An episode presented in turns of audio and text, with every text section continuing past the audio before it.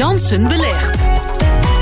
En uh, Rob, jij liet mij uh, heel trots vanmiddag zien een staartje wat je had gemaakt. Excel-sheet. Kom eens kijken, kom eens kijken, kom eens kijken. Want de teller staat in de plus teller staat in plus. Dat was al zo, maar ik, was daar, ik, ik heb nooit echt deze berekening uh, uh, gemaakt... zodat je kunt zeggen van oké, okay, het is zoveel.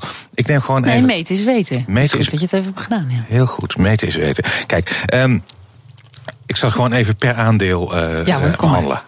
AB InBev, de grootste brouwer ter wereld, gekocht. Deed het in het begin heel goed, maar staat nu ten opzichte van het moment van aankoop 3,7% in de min. Mm, Jammer. Ik daar hoop, moet je niet van hebben. Daar moet ik het niet van hebben. Ik hoop op een. Uh, ik had wel een slecht gevoel bij het bier. Ja, nee, nou ja. ik, nou ja, als het weer warm wordt, wie weet. um, we hebben ook ABN AMRO gekocht. Uh, staat bijna 3% in de plus. Dat is in een relatief korte tijd natuurlijk best een aardig uh, rendement. En N-Group, de verzekeraar, staat 2,3% hoger dan waarvoor ik het heb gekocht. En Shell, ja, de olieprijs 15,6 procent hoger. Zo, ja, dat is, dat is, uh, dat is lekker gegaan. Die olieprijs die staat inmiddels ook uh, comfortabel boven de 70 dollar. Dus ja, dat tikt door. Met als gevolg dat, zeg, als je de hele portefeuille neemt... bij aanschaf waren het allemaal porties van ongeveer uh, 500 euro. Um, dat de hele...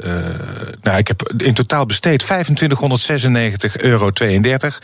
En staan op 27,29. Dus dat is een plus van 5,1 procent in een relatief korte tijd. Wat heb je nou van geleerd? Maakt het niet uit wat je koopt? Of heb je echt nee, goed heb, ingezet? Nou, nee, ik heb wel nagedacht. En daar heb ik het hier ook uh, al vaker over gehad. Ja, jij zit hier niet elke maandag. Maar uh, uitgelegd op, op, op, op aan de hand van welke criteria ik uh, instap. En dat was uh, met name kijken naar wat voor rendement in dividend. Want deze bedrijven, het is nog allemaal exclusief dividend. Hè.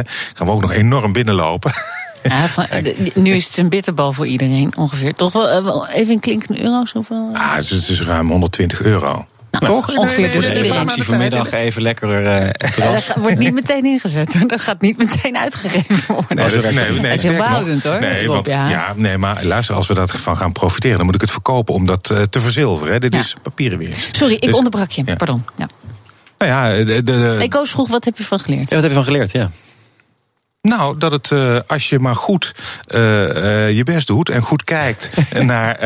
hard werken. Hard werken, nadenken over wat je belangrijk vindt. En eigenlijk, dit is wel heel leuk. Het is toch fantastisch om te zeggen dat je in een paar maanden tijd 5,1 procent rendement maakt. Als die olieprijs nog doorgaat, dan maak ik het nog waar dat ik 8 procent ga maken. Ja, want dat was de belofte. Ja, dat was de belofte. Nou, dat, dat, dat gaat niet lukken, denk ik. Want dat moet dan echt wel binnen nu en een maand gebeuren. Dus dat zie ik niet zo snel. Uh, dat zie ik niet zo snel gebeuren. Maar het is toch wel in een korte tijd netjes gegaan. Met steeds een afweging van wat is nou, wat vind ik nou bedrijven die in hun sector goed zijn, die een goed dividendrendement uh, uh, opleveren. En dat pakt nu goed uit. Maar ik ben ook heel eerlijk, dit is een momentopname.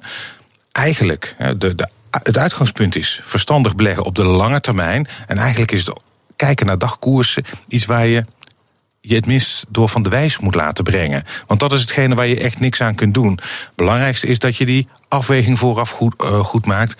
Een, een degelijk plan maakt en daaraan vasthouden. Want die nou, olieprijs, nu, ja. Rob, ik bedoel, de wereld draait nog steeds voor een groot gedeelte op olie natuurlijk. Ja. Maar dat is wel aan het veranderen. Ik bedoel, dat is nu dan weer even, maar we weten ook dat die olieprijs heel lang laag is geweest. Ja, daar zijn de meningen niet over deels. Er zijn mensen die zeggen de olieprijs, Corné van Zijl is zo iemand die zegt, die olieprijs, dat, daar zit heel veel speculatie in die prijs. Want er is eigenlijk uh, best wel een, een, een groot aanbod in olie. Er is helemaal geen reden waarom die prijs eigenlijk zo hoog moet zijn. Dat kan, dat weet ik niet. Ik hoef niet voor eeuwig in olie uh, te zitten. Ik denk in ieder geval dat de, de vraag in het algemeen zal groot blijven.